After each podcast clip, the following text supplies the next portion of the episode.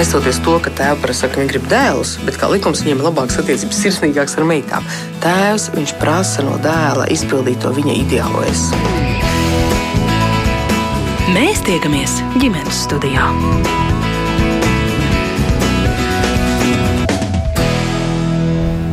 Labdien! Ģimenes studija tūlīt par divām aktualitātēm, jo ir sācies jaunais mācību gads, un uh, tad spriedīsim, kā tad ir ar bērnu kabatas naudu, tās apmēru un veidu, kāds tad ir labāk fiziskais vai digitālais.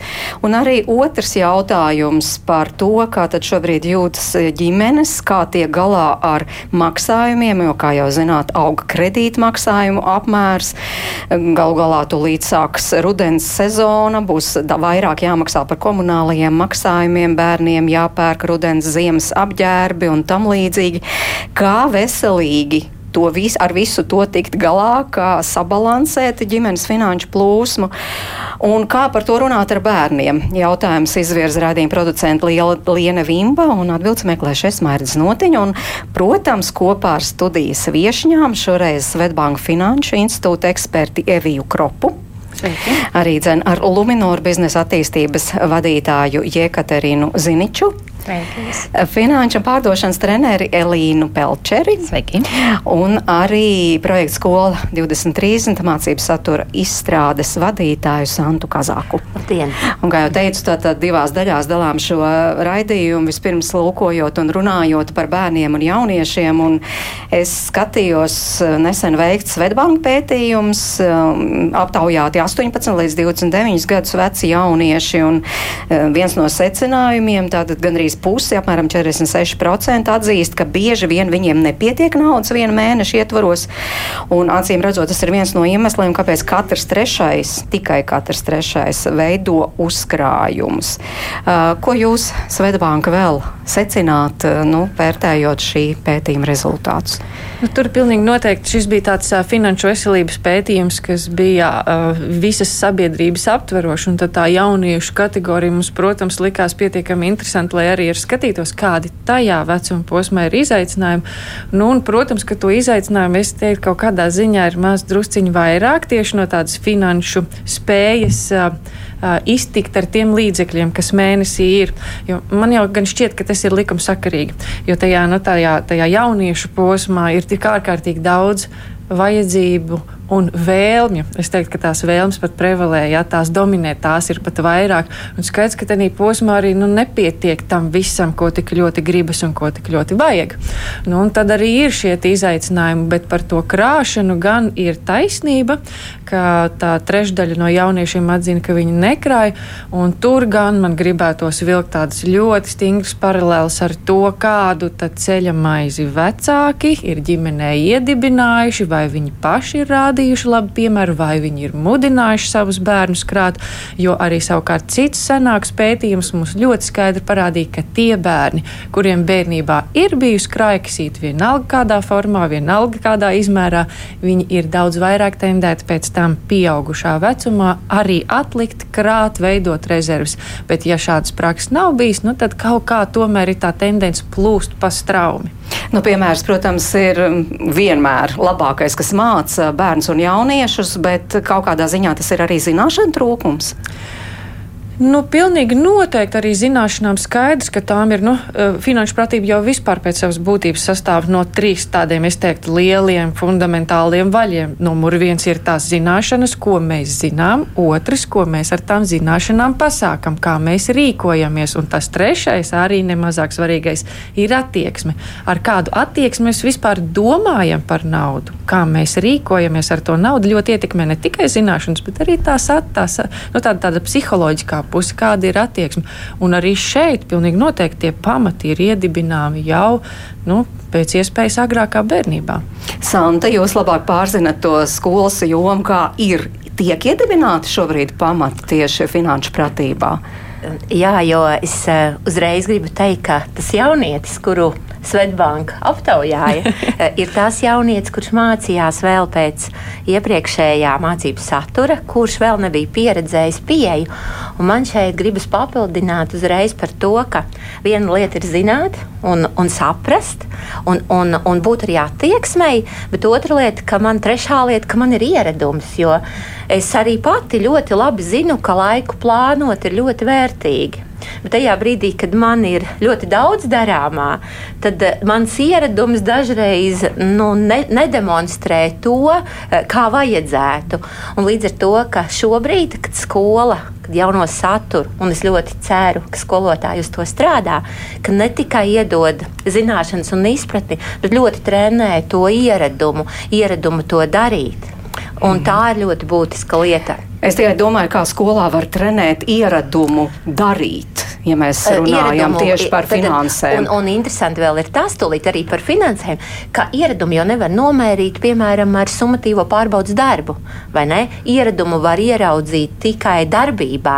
Tas nozīmē, ka skolotājam ļoti bieži ir jāatgriežas pie tā, kas ir runāts, un pēc tam par to jārunā kopā ar skolēniem, kā tu to veici, kā to tu darīji mājās, un kas ir pats burvīgākais man šķiet ka mums gan tad, visos vecuma posmos, gan sākuma skolā, pat līdz trešajai klasē, gan arī līdz sestai, mums ir iestrādāts jau sasniedzamajos rezultātos tādas, nu, sākumā pavisam, pavisam nelielas, bet sastajā klasē jau pilnīgi noteikti ir iestrādāts par drošības spilvenu. Tad, tad kā tas veidojas un kāda tam ir nozīme, un tās ir tās izpratnes jautājums, un tā pašā laikā veidojot un plānojot, piemēram, Sestajā klasē viņi plāno klases budžetu un ko ar to darīt. Tas nozīmē, ka nu, skaidrs, ka ieradums eh, veidojas tad, ja visi uz to strādā, jo mhm. viens nav karotājs. Jā, tomēr. jā, Elīna, jūs varētu papildināt. Eh, viena lieta ir tiešām ja teorētiski šo māca, bet pavisam cita jā, ļauj arī kaut kā praktiski par to pārliecināties. Jā. Droši vien ir atšķirība un skolas vidē ar to praktisko uh, ir tomēr sarežģīti. Tāpēc es pārstāvu viedokli ka tam visam ir jāsākās mājās, jo ir kaut kur, nu, es pat nezinu no kādiem laikiem, bet iegājies, ka nauda ir pieaugušo lieta. Un ļoti bieži arī dā, pie manis nonāk klienti, kas saka, nu, vīrs par to rūpējās, es par finansēm vispār neko nezinu, paceļu čepiņas neko nezinu.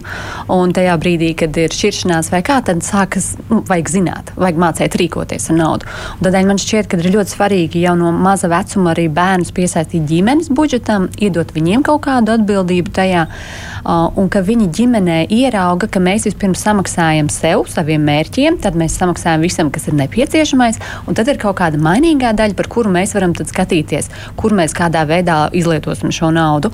Un tad jau ir arī, kad viņi aiziet uz skolu, viņi spēj saprast, kas ir klases budžets, ko, ko mēs ar to darīsim, ka tur ir arī kaut kas, ko es varbūt varu ietekmēt. Tas nozīmē, ka pat agrāk varētu sākt pirmskolas vecumā, Jā. vai ne? Negaidot to skolas sākšanos cerībā, ka tur jau tagad tas ir viss iestrādāts šajā mācību saturā no Jā. 1 līdz 12 klasē. Man meitai ir divi ar pusgadi, un viņa tūlīt tiks pie savas pirmās krēksītes šajās brīvdienās, jo viņai sāk parādīties interesi par naudu. Viņa atrod mājās naudu, viņa man jautā kaut ko, viņi sāk saprast. Un tas ir tas moments, kad es, es sapratu, ka jā, ir laiks viņai pastāstīt, un lai viņai ir arī sava nauda, sava krājkasīte. Ja Kaķina, ko gribat vēl te piebilst? Es droši vien atkārtošos, bet uh, mans mesiķis ir tāds, ka noteikti visam jāsākas agrīna vecuma, jo noteikti tas ir kā ar svešu valodām vai sporta nodarbībām, ir ļoti svarīga regularitāte, tas iedos ļoti labu pamatu nākotnē. Ja? Regulāri saņemt, tad būs iespēja arī plānot, un tas dos savus augļus turpmāk. Eh, ģimenes studija gatavoties šim raidījumam, parunājās arī ar mamām. Vispirms trīs bērnu mamma Elīna Rozāna stāsta, viņai tāda interesanta pieredze. Eh, viņas eh, vecākais dēls, tad, kad tiešām bija šajā pirmskolas vecuma posmā, par ko mēs te runājam, viņam bija iespēja apmeklēt tādu naudas skoliņu. Nu, vismaz to laiku tāds bija nosaukums, laikam tā skoliņa vairs nepastāv, bet vai tas ir tiešām palīdzējis, nu, tagad jau esot tādā pusē, pusauģu vecumā drosmīgāk, nevis drosmīgāk, bet tā pārdomātāk rīkoties ar naudu, klausāmies Elīnas stāstu. Bija tā, ka Kārlim bija kaut četri pusgadi, kad bērngārzā mums piedāvāja apmeklēt naudas skoliņu, tā saucās tajā laikā. Un uh, uz jautājumu, ko tur dara, skolotājs teica, nu, mēs runāsim ap naudu, iepazīstināsim bērnu, kas ir nauda. Sākot no tā, ka tas ir jau tāds barteris, ka tā var būt maiņa un, un, un, un par to, kā mēs varam kaut kādas lietas nopirkt, iegādāties, iemainīt. Un, un man likās ļoti interesanti priekš tāda mazā ziķera, kuram viss tas vēl tikai priekšā, lai saprastu kaut vai komunikācijā ar mammu, kad kaut kas maksā tik vai, vai, vai savādāk, tad man likās ļoti vērtīgi. Tad nu, viņš jā, kaut kādu pusotru gadu apmeklēja to naudas skoliņu. Viens bija tas, ka viņš vispār sāka uztvert, ka rekur ir naudiņa, un mēs skaitījām to naudiņu, ka tur viena monētiņa ir tikpat, cik tās piecas mazās. To viņš tā kā apjauta, ka tā nauda tas nav tāds kaut kas. Um, netverams un nesaprotams un kaut kas atrauc, nu, kad mēs mamīt nopērkam šo, nopērkam to, bet viņš tā kā sāka likt kopā rekuri naudiņu un, un konfekte maksā tik, vai ābols maksā tik, vai manta maksā tik. Nu, vismaz par to mēs sākām runāt, un bija viens periods, kad viņš ļoti cītīgi veikalā, ka mums kaut kur iegāja, viņš pētīja tās um, cenu zīmītes. Un, un tā otra lieta, kas jau tā, ka viņš kādu laiku bija pagājis, tad uh, varēja just, ka viņam nav priekšstats, kad uh, nauda aug kokos vai, vai es nezinu, kur nu kādam liekas, kur viņi rodās, ka bija kaut kāda mirkļa, viņš saka, mēs šito varam nopirkt. Vai mums ir naudiņa, tu esi saņēmis naudiņu līdzi. Un uh, tad bija mirklis, kas viņam saka, nu nē, skaidrā naudiņa man nav, man tagad ir uz karpas. Un, ā, nu labi. Un tas nebija tikai tā vienkārši rekur ir nauda, un mēs varam nopirkt nezinu, to vai šo vai vēl kaut ko, bet tāda iepazīšana naudiņa. Mēs tur zīmējām, cik liels naudiņš. Tur bija mums arī viens mājas darbiņš. Bija iedots viens uh, lats, un cik tu nopirksi. Nu, tā kā veikalā salikt produktu, un tad viņš izvēlās. Es gribu to, to, to, un beigās saskaiti, nē. Tā saskaitīšana bija tāda, kur vecāki dabūja iesaistīties fiziski klāt ar to bērnu, jo nu, tas piecgadnieks uh, varbūt tik daudz neskaita, bet arī tas īstenībā Kārlim ir šobrīd skatās uz to, kā viņam ļoti patīk un padodas matemātika un aizsūtot viņu uz veikalu pēc iepirkumiem. Viņš arī ļoti tā labi orientējās un, un saprot, iespējams, ka tas man gribās ticēt kaut kur ir iedevis viņam pamatus, um, kādai spējai ar to naudu darboties un, un prast ar viņu nu, šurpu turpu rīkoties. Jā. Varbūt vieglāk arī saprast kabats naudu, kā to tur liederīgi izmantot, jā. jo tiešām nu, viņš jau šobrīd ir paaudzies. Jā, jā, jā Kārlim šobrīd ir 12 gadi, tā kā tas ir tāds um, septiņu gadu uh, nogrieznis, kurā mēs visi esam auguši un, un mācījušies un tā, bet, uh, bet noteikti arī šobrīd uh, gribās domāt, jā, ka tie pamati ir tāpēc tādi, ka viņš arī tā kabats naudu, viņš prot krāt naudu, viņš prot uh, izdomāt, ka viņš kaut ko konkrētu grib un viņš to naudu saliek. Viņš arī ir tāds, ka viņš saka, māmiņa, ja es tagad dabūšu kabatas naudu, es pēc mēneša varēšu nopirkt to un to. Nu, tā, viņš um, domā uz priekšu, un viņš arī skaidri apzinās, kuras ir lietas, par kurām viņš kaut ko varētu nopelnīt par kādiem darbiņiem. Un tas bija vēl, ka tam bērnam tāda fiziska iespēja piekļūt pie tās naudas un viņa tā kā nopelnīt. Īsti nav, tad ir tā, ka tikai tie vecāki, un mums bija arī kaut kādi darbiņi, par kuriem mēs um, viņam rādījām, ka to naudu arī ir iespējams nopelnīt caur kaut kādiem darbiņiem. Varbūt, ka visi viņam nepatika tie darbiņi, bet tāpat viņš sajūta, ka jā, laukos, kas bija tāds tipiskākais, bija ābolu lasīšana, un tad pa vienu ābolu bija viens santīms, vai kolorādo vabols, kas arī smējāmies arī no mūsu bērnības bija līdzīgi. Un, un arī, ka viņš tā kā caur to darbiņu, un tam viņš tā kā, es gribu nopirkt to, bet baigi ilgi būs jāstrādā. Nu tā, nu tā ka viņš tā kā apzinās, ka, ka varbūt uh, tā nauda brīžiem aiziet vieglāk nekā to viņa sanāk uh, iegūt.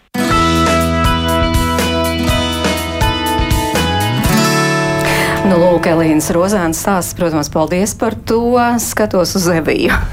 Man jau kā mammai arī gribas piebilst, ka izklausās, ka Kārlis ir ļoti pateicīgs arī personāžs, kas ir bijis tajā naudas skoliņā un, un tā atbildīgi pret visu izturas. Man savukārt ir divu bērnu pieredze un abus esmu audzinājis vienādi, bet redzu, ka tam uh, tipāžam vienkārši tai, tai personībai arī ir ārkārtīgi liela nozīme.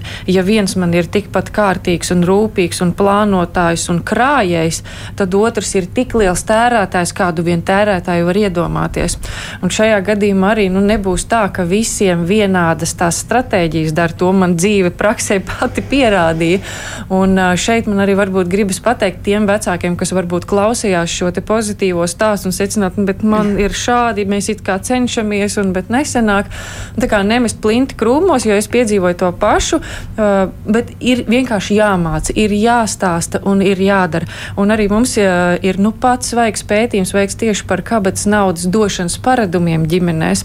Un tad tur es savukārt redzu, ka mazākiem bērniem uh, ir uh, nu, tādiem līdz 15 gadu vecumam, no skolas līdz 15 gadu vecumam ir tas aktīvākais kabatas došanas periods, bet arī tādiem mazākiem bērniem to kabatas naudu uh, nu, pat līdz 15 gadiem dod katru dienu. Nu, tas nav populārākā atzīme, bet jo, atbilde, bet joprojām ir teiksim, 11% vecāki, kas dod katru dienu. Un tad šeit man ir tāds jautājums, kāpēc katru dienu? Kāds labums no šī kā, nu, tiek saredzēts. E, nu, tā mana motivācija, tad varbūt mans skubinājums būtu dot retāk un dodiet tam bērnam iespēju pašam plānot, pašam domāt, pašam prognozēt un pašam pēc tam ar šīm problēmām tikt galā. Jo ja viņš tiek pie naudas katru dienu, kas viņā tiek audzināts. Nu, tā kā, tāds, nu, ja tā var teikt, tāda, tāds patērns, tāds Cik saņēma, tik iztērēja. Saņēma, iztērēja. Nu, visticamāk, dot katru dienu paēst pusdienas, vai varbūt nu, tur vēl kaut kādiem obligātiem maksājumiem. Viņam jau nav pieredze, ko atlikt, ko paplānot, kā kaut kā varbūt izgrozīties citādi. Jo nu, drusciņi retāk, katru dienu nē, bet retāk, un tad tam bērnam rodas jau pirmās plānošanas un, un, un izvēles uh, iespējas. Gribu atgādināt mūsu klausītājiem, ka tiešām labprāt uh, izlasītu arī jūsu stāstus, kā tad jūs ar to naudu darāt mācāties, kā mācāt to saviem bērniem, bet tātad kabatas nauda ir ļoti labs veids, kā mācīties. Bet nu, mūsdienās eh, te bija Elīnas stāsts, kur to naudu tiešām biežāk varēja apčāmdīt, tagad tā tomēr ir tāda plastikāta karte, vai tas nesarežģīja uzdevumu, ka vienkārši mamma vai tēvs ieskaita kartē, nu tad rīkojies. Mm, es noteikti teiktu, ka vajadzētu sākt ar eh, taustāmu naudu, paš, jo mazāks bērns jau taustāmāka nauda, lai rodas tā izpratne. Jo bieži vien arī pieaugušie, tad, kad viņi ar kārti nopīkstina, ar telefonu, ar pulksteni, viņi paši nezina, cik viņi ir iztērējuši. Un kā mēs varam gribēt, lai bērns pēc tam zinātu, cik viņš ir iztērējis vai sakotu līdzi. Un, eh, tādēļ, manuprāt, ir jāsāk ar eh, banknotēm, ar, ar monētām. Un es zinu vecākus, kuri kā, ied, iedrošināja savu bērnu krāt. Un tur bija vienošanās, ja līdz mēneša beigām viņš būs uzkrājis kaut kādu naudu, viņi iedos procentu klāt. Un tādējādi mācīja arī to uzkrājumu procentus un saliktos procentus. Un, man liekas, tā arī ir ļoti laba praktiska lieta, kad nevis tikai gribu lietu un es krāju, lai viņu uzreiz iztērētu, bet kad es arī viņam paciešos, tad es dabūšu vairāk. Jā, no vienas puses var gribēt vairāk, bet arī uztaisīt to, to ieradumu, ka tu dabū vairāk tajā mēneša beigās. Tā kā, jā, jā, tur tai naudiņai tomēr jābūt pietiekami lielai, lai uzkrātu, un, un tiešām tās mēneša beigās kaut kas arī būtu uh, uzkrājies. Jā, es ļoti atbalstu viedokli, ka nav vienas receptes. Ja, jo mēs katra ģimene esam ārkārtīgi unikāla un tad vadāmies no tā, kādas ir mūsu iespējas. Ja. Un vai dot katru dienu, vai reizi nedēļu, vai reizi mēnesi, tas arī ir interesants jautājums. Jo, ja mēs uh, mazākam bērnam dodam katru dienu, mums arī ir viela pārunām. Katru dienu pārunāt, vai tiešām tā nauda bija izterēta, kam izterēta, un paskatīties, vai bija iespēja atlikt vai neatlikt. Šīs tāda, tāda regularitāte var dot arī pamatu attiecīgi tādam uzkrājumam uzkrājuma ieradumam veidot uzkrājumus. Protams, bērns paaugās. Pirmkārt, arī nav ērti ar skaidru naudu rīkoties katru dienu. Vecākiem tas varētu būt apgrūtinājums. Nu, tad mēs pārskatām jau un ejam uz garākiem termiņiem. Bet, nu, no manas pieredzes, manam bērnam jau tagad 16, bet ar kabatas naudu mēs sākam strādāt 10 gadu vecumā. Nu, mums bija dienas un pēc tam nedēļas. Līdz mēnesim mēs pat tagad neesam izauguši. Ja? Un tas ir tikai tāpēc, ka mēs pēc tam pārunājam un palīdzam izprast. Un tas, ka viņš izterē, tas arī nav nevainas. Tā ir mūsu bērnu pieredze. Izterēs, nākamdien nepaēdīs.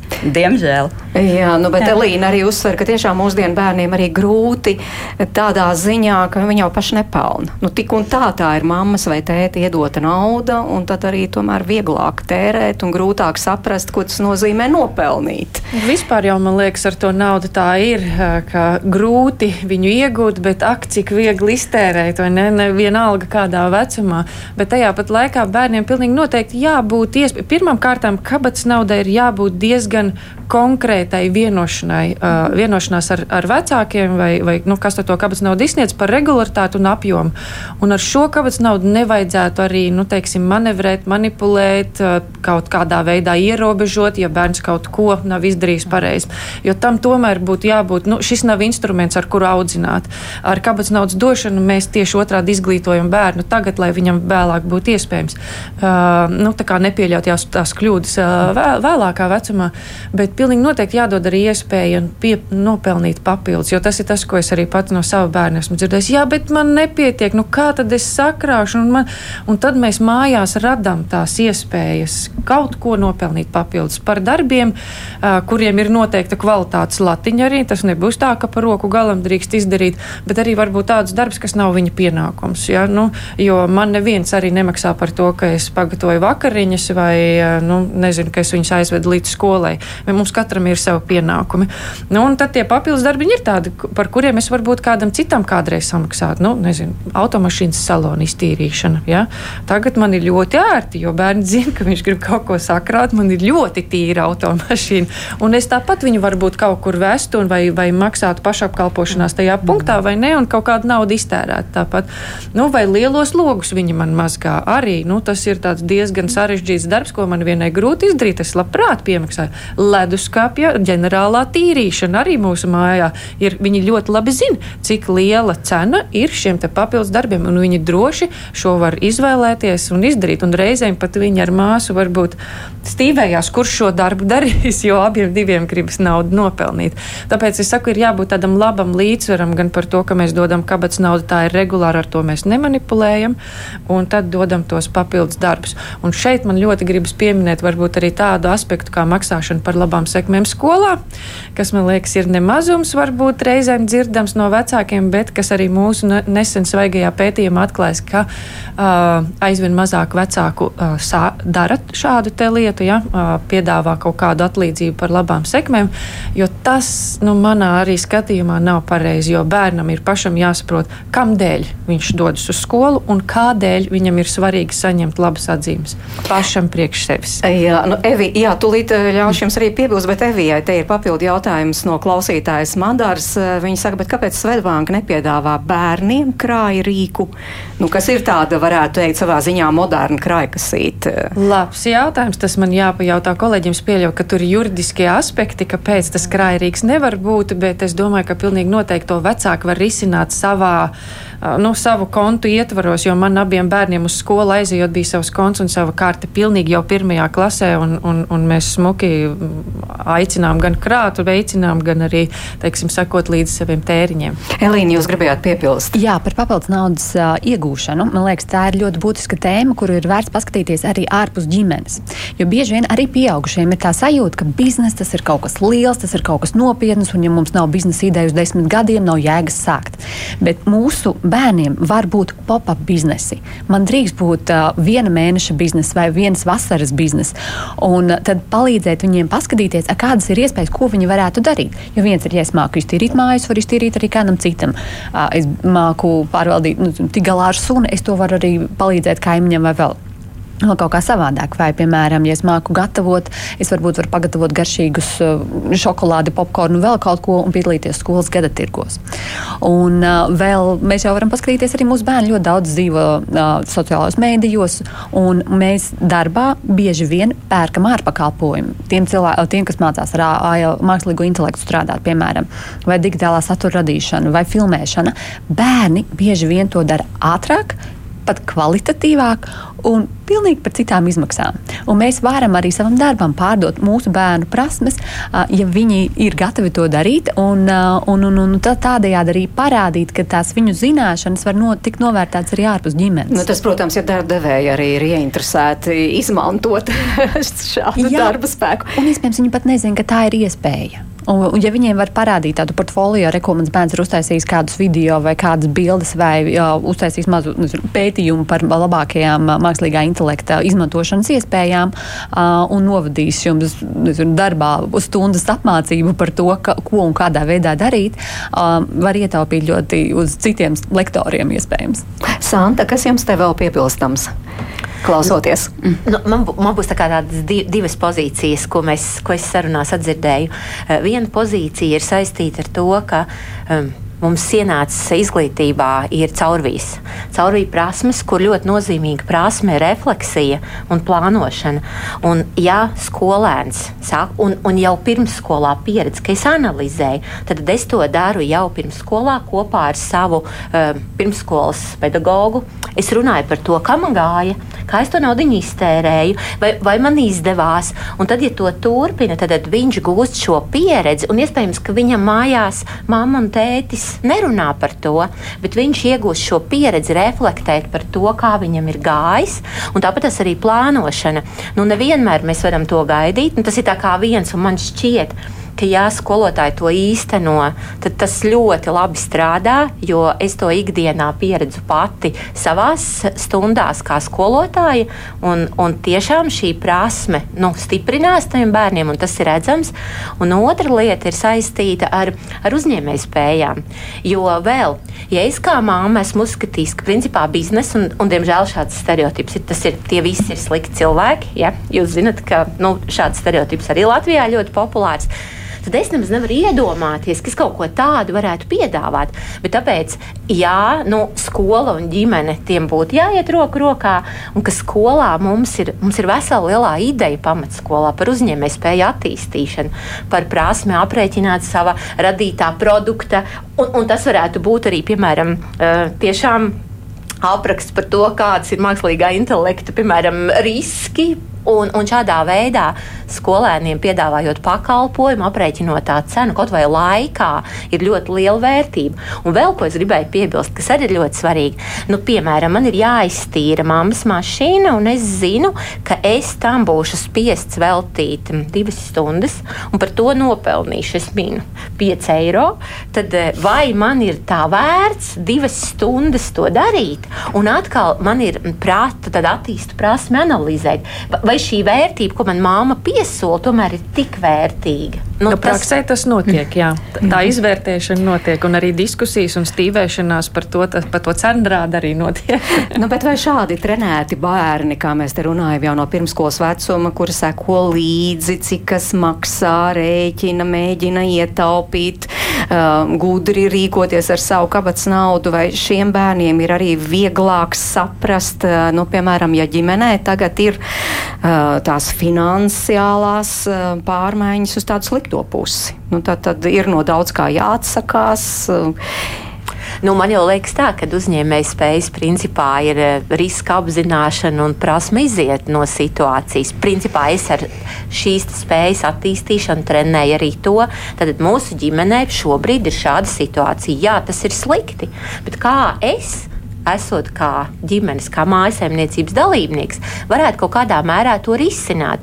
Un es nevis paņemu ģimenes modeli vai vecāku modeli, ka viss ir slikti, bet es varbūt pat piedāvāju risinājumu, un varbūt manā ģimenē pat to sadzird. Nu, man liekas, ka tas ir pats būtiskākais.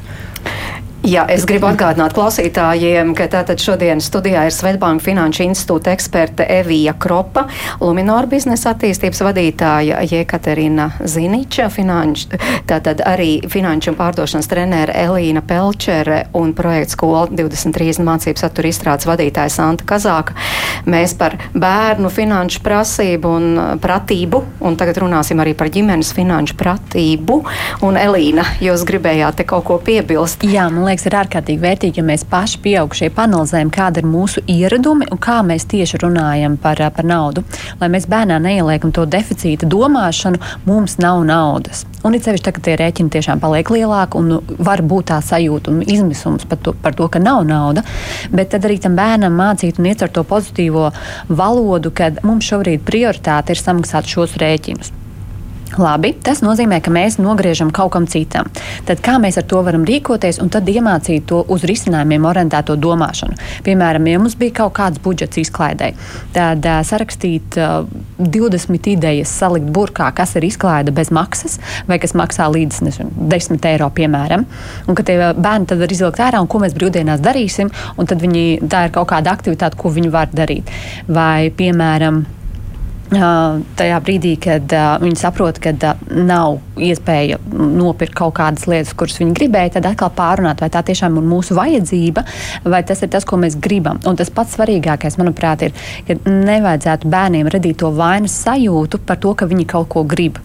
Jo, ja bērns apspiež šo vainas sajūtu vai parādās tā vainas sajūta, viņš sāk negribēt. Viņš izaug par pieaugušo, kas īsti neko negrib un kas arī vairs neredz risinājumus. Jo, ja mēs kā pieaugušie vairs neko īsti negribam, mums nav tāda baigta mērķa vai motivācija strādāt, mēs ļoti arī samierinamies. Nu, par mūsu darbu maksās tik, un tāda ir arī mana dzīve. Un tad beig beigās mēs to pašu nododam bērniem. Bet vai izēja arī nerunāt vispār, jo ģimenes studija pirms šī raidījuma aptaujāja arī sociālo tīklu lietotājus, gan Facebook, atsaucīgo māmiņu formu lietotājus, arī Instagram. Nu, tur, piemēram, arī tādas atbildes Laila, Laila raksta.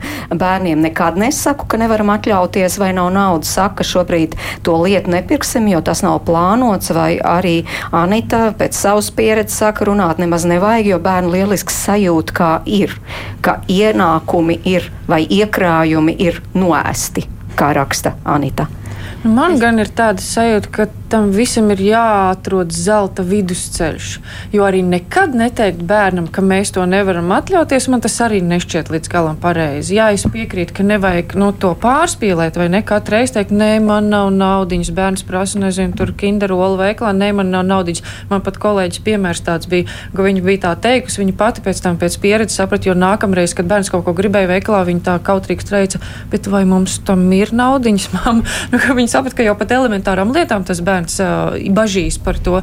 Tātad tur ir bijis par daudz, bet arī nekad neteikt, arī tas radīt ir kaut kāda ilūzija un ne tik ļoti nu, tāda, nu, tāda realitātes vecuma posmam atbilstoša, manuprāt, ir veselīga.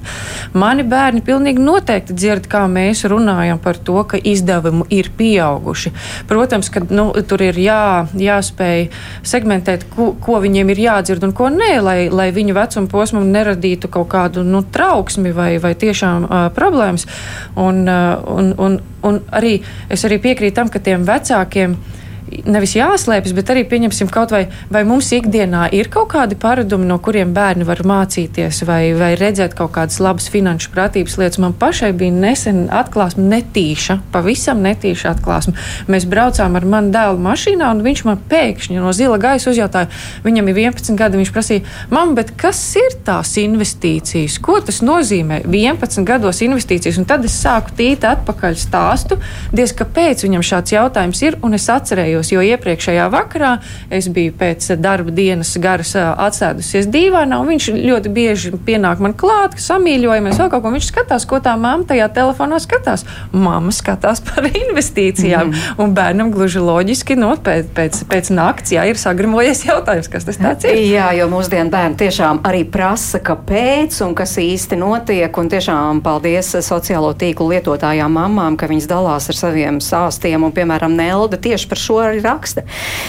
Pirmdien ejot ar meitu, kurai astoņi gadi mājās no pulciņa sarunas gaitā, meita vaicāja, vai mēs kādreiz varētu pārvākties uz lielāku dzīves vietu. Es paskaidroju, ka šo dzīvokli esmu nopirkusi, un par to jau tā jāmaksā pietiekoši daudz, jo ikmēneša maksa ir palikusi lielāka.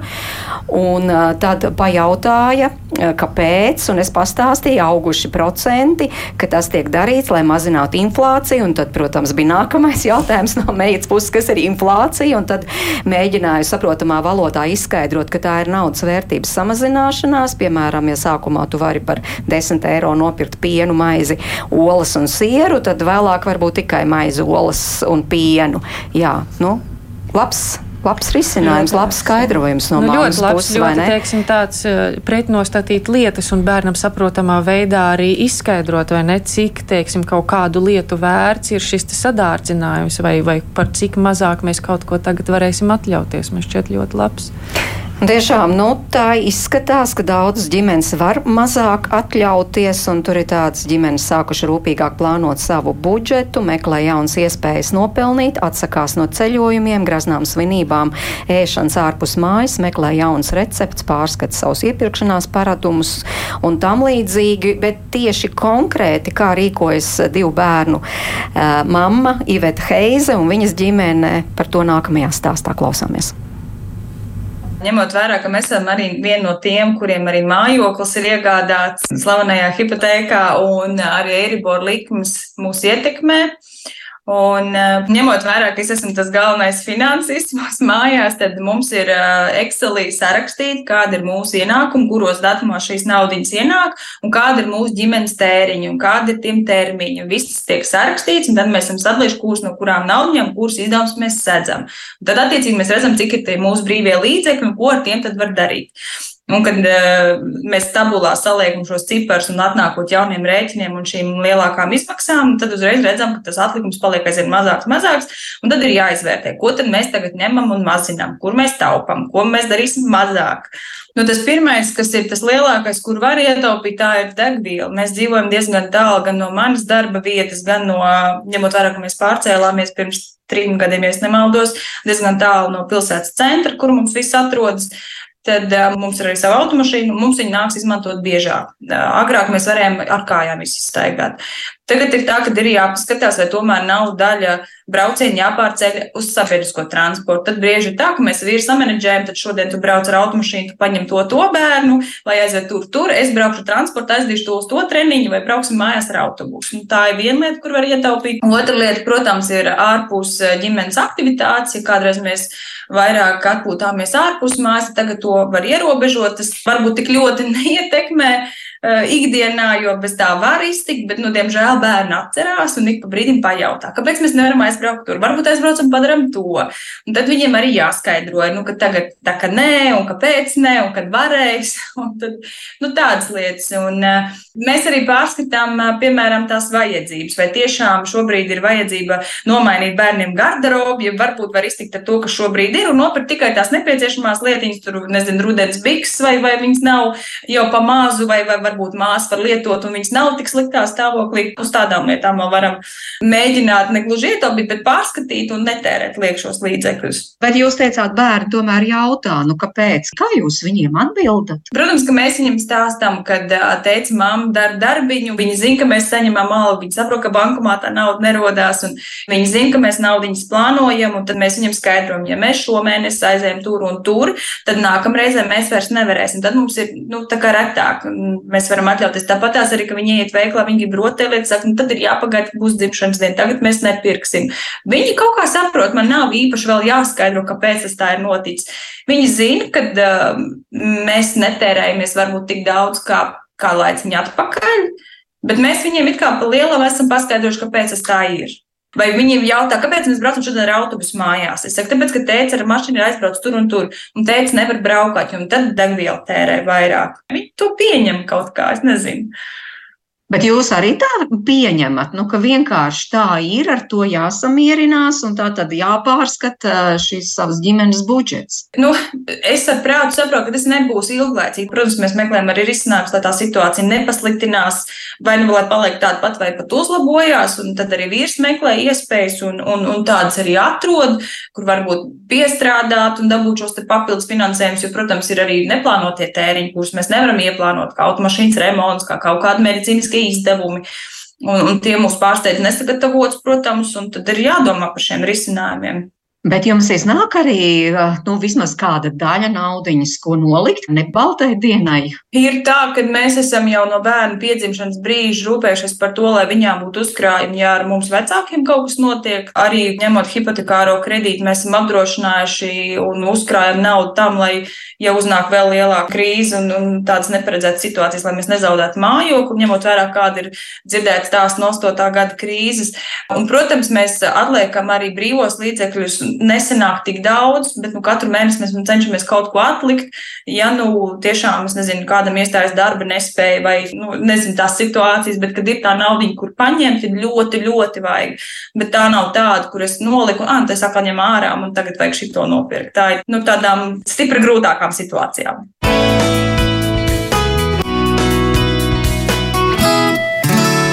Tas bija trīs bērnu mammas, Ivetas Heizes, atvainojos, divu bērnu mammas, Ivetas Heizes stāsts. Tātad trīs lietas, par ko Iveta runāja - uzkrāt, taupīt un mēģināt nopelnīt vairāk. Par to taupīt, starp citu, par to taupīt visvairāk arī runā sociālajos tīklos, tur arī, kur mēs sazinājāmies. Un, un, un, un, un tur tas viedoklis, ka visvairāk var ietaupīt tieši izvērtējot izmantot pārtiku, kur pirkt, ko pirkt, cik daudz pirkt un tam līdzīgi. Jo, kā tur raksta māmas pārtiks izmaksas, tagad vismaz divas reizes, vismaz tāda ir ģimenes vienas pieredze, ir paaugstinājušās. Jūs arī tā teikt, kā finanšu eksperts, ka tas galvenais sektors, uz kā var ietaupīt, ir es teiktu, ka noteikti to arī rāda mūsu iepriekš jau veiktās aptaujas tieši iedzīvotāju socioloģiskais pētījums, kas tad ir tās stratēģijas, pie kurām ķeras klāti naudas taupīšanas nolūkā. Un man liekas, ka tā pārtika ir likumsakarīga numur viens, tāpēc ka tā ir nu, tāda lauvas tiesa no ienākumiem, nu, kas tāda izdevuma ziņā ir diezgan būtiska blakus mājoklim uzreiz uh, opcija, nu, izdevuma kategorija. Un arī tās iespējas manevrēt šajā izdevuma kategorijā ir lielākas. Nu, mājoklī, kā mēs dikti taupīsim, ja nu vienīgi mēs kardināli nemainām savus dzīves apstākļus, vai ne? Tā tur var sākt taupīt. Nu, protams, kaut ko par energoefektivitāti var domāt par saviem paradumiem, varbūt tur, nu, cik, cik te, liela temperatūra vispār ir mājās uzturamies un tā tālāk. Bet nu, e, e, pārtika ir krietni vien elastīgāka izdevuma grupa un patiešām tur tā naudas ziņā, elastības ziņā, tātad arī tās izmaiņas, ko mēs veicam, tās dod arī uzreiz būtisku efektu.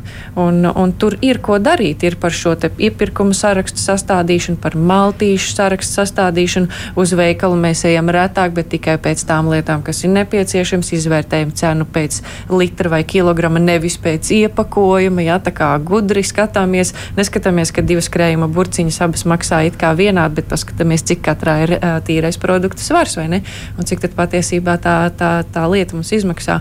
Un, un es šeit pilnībā piekrītu. Es, da, es daru pati tieši tāpat. Un šeit bija arī mammas pieredze par to hipotekāro kredītu.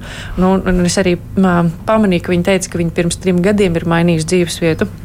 Un tad ļoti likumsakarīgi, ja tā hipoteka ir salīdzinoši jauna, svaiga, kā es saku, tad arī šīs likmes izmaiņas ļoti spēcīgi arī ietekmē.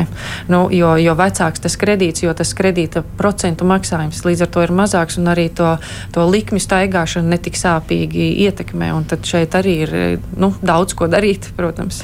Jekaterīna, te mamma runāja arī par to, ka uz šiem benzīna izdevumiem, piemēram, var arī ietaupīt īpaši, ja tiešām ģimene daudz pārvietojas ar nu, auto. Jā, noteikti jau piemērot vairāki riki un momenti, ko var darīt, lai pārskatītu un mazinātu izdevumus. Un, man liekas, šeit ir atslēga arī tā plānošana un budžets. Jā, un tas ir liekas, ļoti labs pasakums visai ģimenei savakties un izrunāt, un arī uz regulāras bāzes. Jo bieži vien iesaka paņemt Excel vai klādi un saka pierakstīt izdevumus, ieņēmumus, un tas ir sarežģīti un vajag pacietību. Bet kā recepte varētu būt vienkārši regularitāte. Nāk tagad rudens, mēs zinām, ka rēcini pieaugs, apsēžamies, izrunājam, kā mainās mūsu izdevumi, kā mainās ienākumi, ja mainās, un izrunājam arī to ar bērniem bērniem. Jo visam jau atslēga, kā tad iesaistīt bērnu tajās sarunās. Un, protams, tas ir ārkārtīgi ļoti, jūt, jū, ļoti jūtīga tēma, jo atkarīgs no bērnu vecuma. Jā, noteikti nevajag iet detaļās, iedziļināties, bet bērns, man liekas, viņš būs tikai mums pateicīgs, ja mēs viņu aicināsim ar mums kopā lemt par to, ko mēs varam un ko mēs nevaram, un lai izvairīties no nepatikamas situācijas, kad bērns veikalā sāk raudāt par to, ka viņš nevar iegādāties to automašīnu, vai kāpēc mēs neaizējam uz akvapārku, ja, tad vecākiem būtu jāpadomā bišķiņu vienu soli uz priekšu un plānot un piedāvāt noteiktas aktivitātes, izējot no savām iespējām. Tas arī varētu būt viens no rīkiem, kā mēs varam pārvaldīt, mācīt un arī dot tādas drošības sajūtu arī mūsu bērniem lai pazūd tas, tas, tas, tā ziņa par to, ka nu, nav naudas. Jo tas ir diezgan negatīvi un tas var aiziet tādā trauma pilnīgi. Mm -hmm, bet tā līnija jāsaka, piemēram, jāatsakās arī bērnam no kāda pulciņiem ieļota, piemēram tad es uzreiz skatītos, vai ir jebkāds variants to dabūt bez maksas. Uh, varbūt, kad es varu mācīties YouTube to pašu un uh, neatteikties no tā, kas man ir svarīgi. Jo, jo ja būtība ir, kad es gribu iemācīties kādu mūzikas instrumentu vai valodu, ir ļoti daudz aktivitātes, kuras mēs varam dabūt bez maksas. Vai mēs varam atrast kādu mentoru vai cilvēku, kurš ir gatavs novadīt kaut kādas mums uh, apmācības vai iedot pamatus, un tad pēc tam tālāk mēs paši atkal mācāmies. Un vēl man liekas, ir būtiski arī par tām vērtībām, kad novienoties ģimenē, kā mēs skatāmies skatāmies zemāko cenu un kā mēs skatāmies vērtību, no tādā ziņā, kas ir kvalitāte mums būtiska, ka mēs nevaram ietaupīt tikai uz ēdienu un, un, un, un tad, tad, piemēram, pirkt pašu sliktāko kvalitāti. Un varbūt ir kaut kādas uh, lietas, kurām mēs skatāmies zemāko cenu, un kaut kādām lietām mēs skatāmies kvalitāti. Vai, piemēram, ja man vajag jaunas drēbes, tad es varbūt paskatos, kas ir manā skapī tāds, ko es vēl varu pārdot Andelē, Mandelē. Un tad par iegūto naudu pielikt kaut ko klāt, pakrāt nedaudz un nopirkt kvalitīvus jaunus botus nākamās vai bikses vai kaut ko tam līdzīgu, kurus man nesaplīsīs nākamajā mēnesī, bet kad es zinu, tā ir tāda kvalitāte, izturēs vismaz pusgadu, iespējams, vai gadu. Jā, un tajā drēbju pārdošanā tur jau pusauģu vecumā bērnus un mierīgi var ne tikai iesaistīt, bet viņi paši to var darīt. Tieši Jā. tā, un var arī iet uz uh, otrajām elpām un, un, un tur, bet arī nevis meklēt vienkārši lētākās uh, drēbes, bet meklēt tās, kur iemācīt bērnu meklēt kvalitatīvas drēbes. Mm -hmm. Bet tomēr ļoti būtiski, lai paliek arī pāri kā mēs te dzirdējām, jo nu, tomēr ir tās situācijas, kuras nav paredzamas, bet nu, laikam tā ir, ka joprojām lielākā daļa dzīvo ja, no algas līdz algai, ko, nu, ko rāda jā, jā, pētījumi vai iet uz labo pusi. Gadu no gada iet pilnīgi noteikti uz, uz labo pusi, jo es teiktu, ka mūsu sabiedrība aizvien vairāk novērtē šo drošības pilvena esamību, to, ka man ir pašam sava nauda, no kuras ir visātrāk, visvieglāk un vislētāk aizņemties, kā es saku, ja, paņemt un tad kaut kādas īstermiņa problēmas risināt. Nu, arī tie socioloģiskie pētījumi mums absolūti liecina, ka lielākā daļa iedzīvotāji atzīst, ka viņiem ir uzkrājumi. Protams, nākamais bet ir cik lieli. Tur pie tā izmēra, pie tā apmēra pilnīgi noteikti vēl var piestrādāt, bet tā, protams, ir arī nu, tāda spēja un rocība atlikt un cik daudz.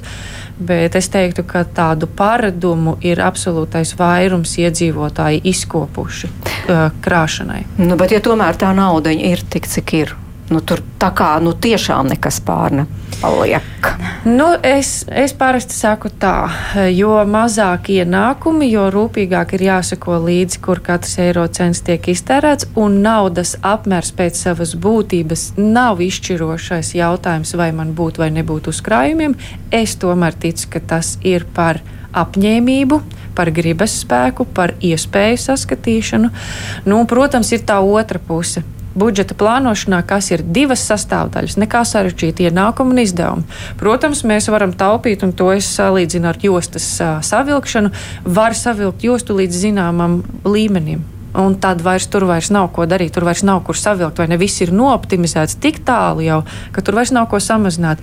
Nu, tad ir tikai vēl viena iespēja ķerties klāt otrajai budžeta plānošanas pusē, kas ir ienākumiem. Un tad mēs varam strādāt, un es teiktu, ka zelta atslēga ir strādāt ar šīm abām divām lietām paralēli.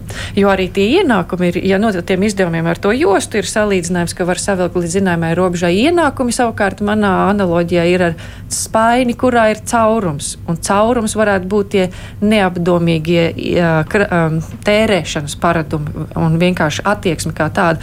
Un ja es pelnu daudz, sirsnīgi, vaigus piepūtas, kārtīgi pelna daudz, bet tajā spainī ir caurums, nu tad atkal tas aiziet kaut kur nebūtībā.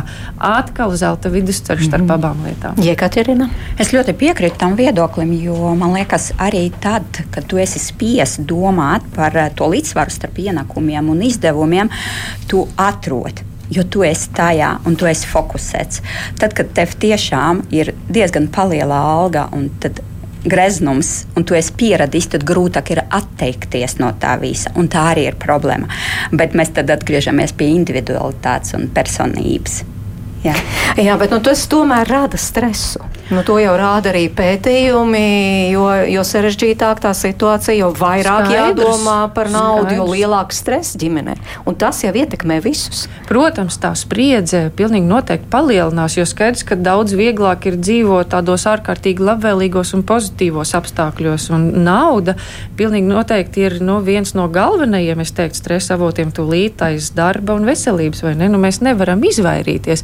Un tieši tāpēc, vēl jo vairāk tāpēc, man liekas, ir tik svarīgi to veselīgā formā izrunāt gan ģimenē, gan arī iesaistītos bērnus. Nu, man liekas, tas, tas ir pilnīgi, pilnīgi neatraujamas uh, lietas. Santa. Es klausos, un es domāju, ka Dievs cik jauki. Man arī gribētos būt, kā, ka mani skolēni mm, ir pie tādiem vecākiem, kā tas notiek un kā tas domā. Līdz ar to es, nu, un, un te laikam ir arī tāpat kā ienākumiem un izdevumiem ir zelta vidusceļš jāatrod. Tāpat arī Vecākiem ir jāierauga un jākļūst visiem arī zinošākiem, prasmīgākiem, gudrākiem, jo skola nekad nav nu, viena, neko neatrisinās, bet, bet tur arī ir jābūt tam zelta vidusceļam, ka no abām pusēm mēs atbalstam to, to topošo jaunieti, kurš rad, radīs labas lietas un spēs tikt galā ar šādām dzīves situācijām. Elīna? Es parasti iesaku paskatīties, ja es nevaru dabūt tūlītēju naudu, tad kā es varu dabūt zināšanas, pieredzi vai enerģiju. Un to ir paskaidrojuši. Zināšanas tātad ir ļoti daudz mūža izglītības programmas, kas ir bezmaksas. Arī, ja mēs esam darba vietā, mēs varam caur darba vietu pieteikties dažādām apmācībām, pārkvalificēties. Nu, tā kā iegūt jaunas zināšanas, kas, kuras mums var palīdzēt nopelnīt naudu nākotnē. Tāpat ar pieredzi, nu, kaut vai tas mazais pop-up bizness, nu, pamēģināt kaut kādu uh, biznesa formu, veidu un paskatīties, der, neder, gribu, negribu. Mēs mākam tādā veidā nopelnīt. Un trešais, ko es domāju ar enerģiju, ir ja mēs esam pārstrādājušies, pārgurušas un mums viss kaitina, tad uh, ir ļoti grūti izdomāt kādu jaunu, vērtīgu ideju vai uh, uzņemties tagad uztaisīt mazo biznesu. Un tāpēc ir ārkārtīgi svarīgi, ja mēs gribam nopelnīt naudu nākotnē, mums ir jārūpējas par to, lai mums ir tas laiks, kad mēs varam višķiņi atpūtināt arī smadzenes, ķermeni, izdomāt tādu gudru domu, kādā veidā mēs varētu pelnīt vairāk, un ka mums ir spēks to risināt. Jo atkal, ja mēs pelnīsim naudu pa naktīm, tas ir īstermiņš. Pēc laika dosim visu ārstiem to, ko esam nopelnījuši. Nu, kā, tur tas ir tas līdzsvars arī par ko dāmas runā. No, tad, lai izdodas tiešām ģimenēm izdzīvot šo, es teikšu, salīdzinoši droši vien grūto uh, rudeni, ziemu, kas ir priekšā. Paldies par šo sarunu. Es saku studijas viešņām Evijai Kropai, Jekaterinai Ziničai, Elīnai Pelčerai un Santai Kazākai. Raidījuma producenta Liena Vimba un raidījuma tapšanā palīdzēja arī Ieva Zariņa, Toms Šits, Rita Karnačs, Mairedz Notiņa bija pie mikrofona un atgādinu, ka rīt atkal 5 minūtes pāri. Diviem ģimenes studiju kopā ar jums mana kolēģa Agnes Linka dosies pie Forandu ģimenes no Carnikavas novada, un tur ir ģimene, tātad Girts un Marita audzina divus bērnus, pārcēlušies no Rīgas uz bijušo vasarnīcu, tagad dzīvo tur un ir aizrautīgi dabas mīļotāji un pētnieki, un kā tad viņu dzīve, cik krāsaina un daudzpusīga šobrīd ir par to, tātad klausieties rīt, un paldies, ka klausieties šodien. Visu labu!